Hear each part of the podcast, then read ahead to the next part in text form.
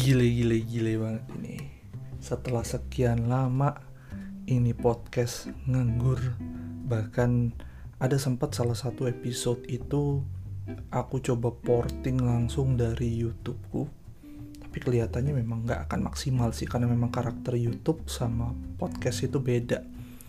Dan lagi pula memang kualitasnya itu beda juga kalau kita porting dari video ke uh, audio only kayak untuk podcast ini. So I choose to uh, apa ya build the episode itu pure memang dari sistem rekam gini lagi aja. So uh, apa kabar semua? Lama banget nggak ngobrol lagi juga, lama banget nggak bikin podcast khusus di meja kantor. Hari ini uh, gue akan coba bahas tentang yang mungkin agak lebih ringan-ringan dulu kali ya. Tapi menurut gue ini sangat penting lah untuk kita kita yang memang naturally orang kantoran. Orang-orang yang menghabiskan waktu bisa jadi itu cukup banyak untuk uh, pekerjaan kantoran kita. Bahkan ada beberapa orang pernah mencoba menghitung orang-orang kantoran itu lebih banyak spending waktunya itu untuk kantor bahkan ketimbang keluarga.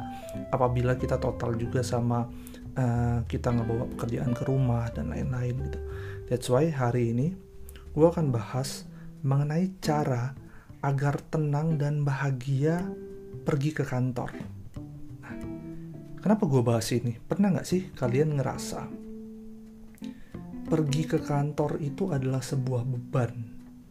Malamnya kalian itu ngerasa uh, tidak tenang gitu, benar-benar penuh anxiety banget gitu, terus kayak pagi-pagi ketika bangun itu sudah suntuk dan sudah benar-benar takut bahkan ada yang juga gelisah gitu untuk pergi ke kantor gitu. Dan itu adalah perasaan yang gak enak banget karena bayangin lima hari seminggu kita itu berurusan sama urusan kantor. Nah walaupun sekarang kebanyakan WFH itu pun gak mengobati jadi banyak juga teman-teman gue yang bilang ketika WFH bangun dan akan spend waktu di rumah, tapi kalau itu hari Senin sampai hari Jumat, tuh rasa deg-degan itu muncul terus. Bahkan ya benar-benar mengganggu lah gitu. Nah, gue coba untuk uh, bikin beberapa poin. Ini adalah advice, bisa jadi berlaku di kalian, bisa jadi juga enggak. Tapi at least ini harusnya membantu. Ini adalah tips-tips cara agar tenang dan bahagia setiap memang kita harus pergi ke kantor atau berurusan dengan urusan kantor. Yang nomor satu, punya pemahaman terhadap kelebihan dan kekurangan diri. Nah, ini jadi bisa bikin kita untuk set ekspektasi ke diri sendiri juga gitu. Dengan kita punya, uh, sorry, paham kelebihan kita, kekurangan kita, kita tahu di mana kita akan push diri kita, kita tahu di mana kita harus rem diri kita, bahkan juga ada area-area yang tidak perlu kita sentuh, itu akan membuat kita jauh lebih tenang ketika bekerja. Salah satu temen gue waktu di Gojek itu pernah memang nulisin bahwa semenjak dia tidak terlalu ngurusin hal-hal yang memang bukan urusan dia, tidak harus memusingkan hal-hal yang sebenarnya bukan tanggung jawab dia, hidupnya jauh lebih damai dalam bekerja gitu. Nah, hal ini sering terjadi tanpa sadar loh. Kadang kita memperhatikan uh, ini beda sama extra mile ya. Ketika kita bantu divisi lain, ya itu memang itu bantuan. Tapi ketika stress level kita meningkat, semangat kita itu ke drag down because of something yang sebenarnya memang bukan tanggung jawab kita itu yang sebenarnya ngapain banget gitu loh. Gak harus seperti itu gitu loh. Nah itu satu. Yang nomor dua tidak memelihara konflik.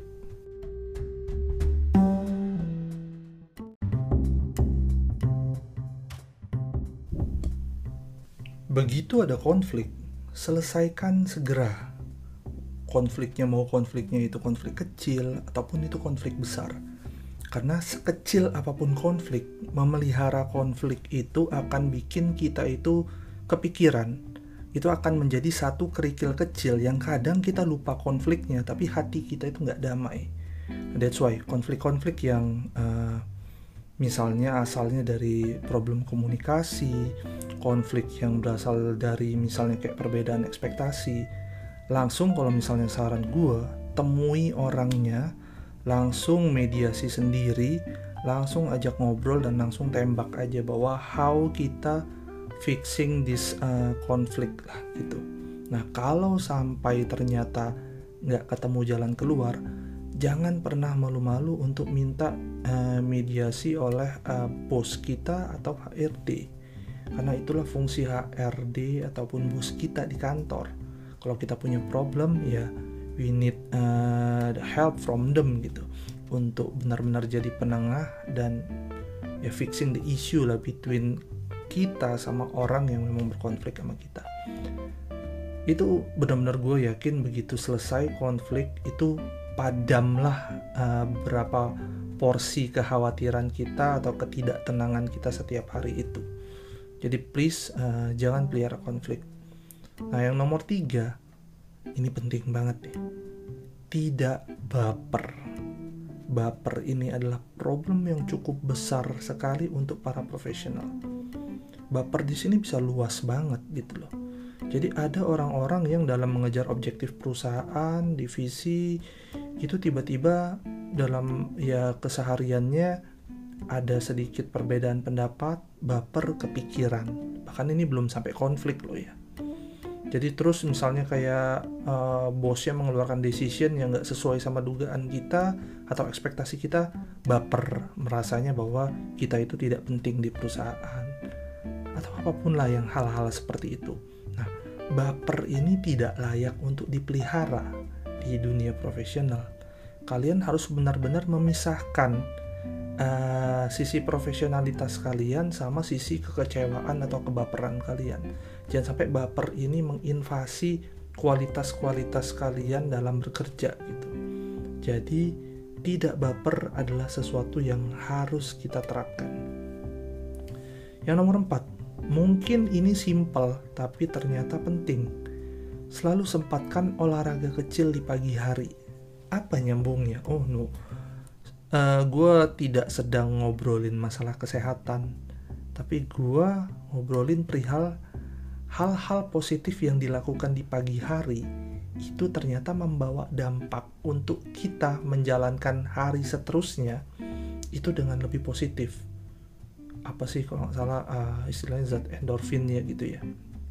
Uh, jadi memang ketika olahraga pagi hari itu bukan memang benar-benar kesehatan yang jadi tujuan utama untuk para pekerja kantoran. Tapi feeling positif untuk benar-benar memulai 9 to 5 nya itu dengan perasaan happy gitu. Jadi olahraga kecil di pagi hari menurut gue itu penting banget untuk kita lakuin walaupun nggak rutin misalnya. Kalau bisa rutin ya bagus. Terus yang nomor 5 nah ini hal yang paling sulit bahkan untuk gua terapkan pun sulit yaitu usahakan tidur cepat dan cukup. Gue itu pernah baca ini untuk poin nomor 5 disclaimer ya sampai hari ini pun gue itu nggak bisa disiplin terapin ini. Tapi memang ketika gue berhasil tidur cepat dan bangun lebih pagi yang pertama gue itu punya banyak waktu untuk mempersiapkan diri. Jadi memang diri gue itu untuk memulai kerja itu tidak dalam kondisi terburu-buru. Yang nomor dua itu adalah uh, tidur cepat dan cukup itu membuat uh, ketidaknyamanan-ketidaknyamanan yang tidak penting yang biasanya hadir, misalnya tiba-tiba migrain atau masih ngantuk atau lemas, itu tuh biasanya juga ikut hilang. Ini ngebantu banget kita untuk ngerasa fit juga, untuk feeling fresh, ngejalanin uh, pekerjaan kita di kantor pada hari itu. Bisa deh teman-teman yuk bareng-bareng uh, eh, gue juga gue juga untuk kita terapin nih.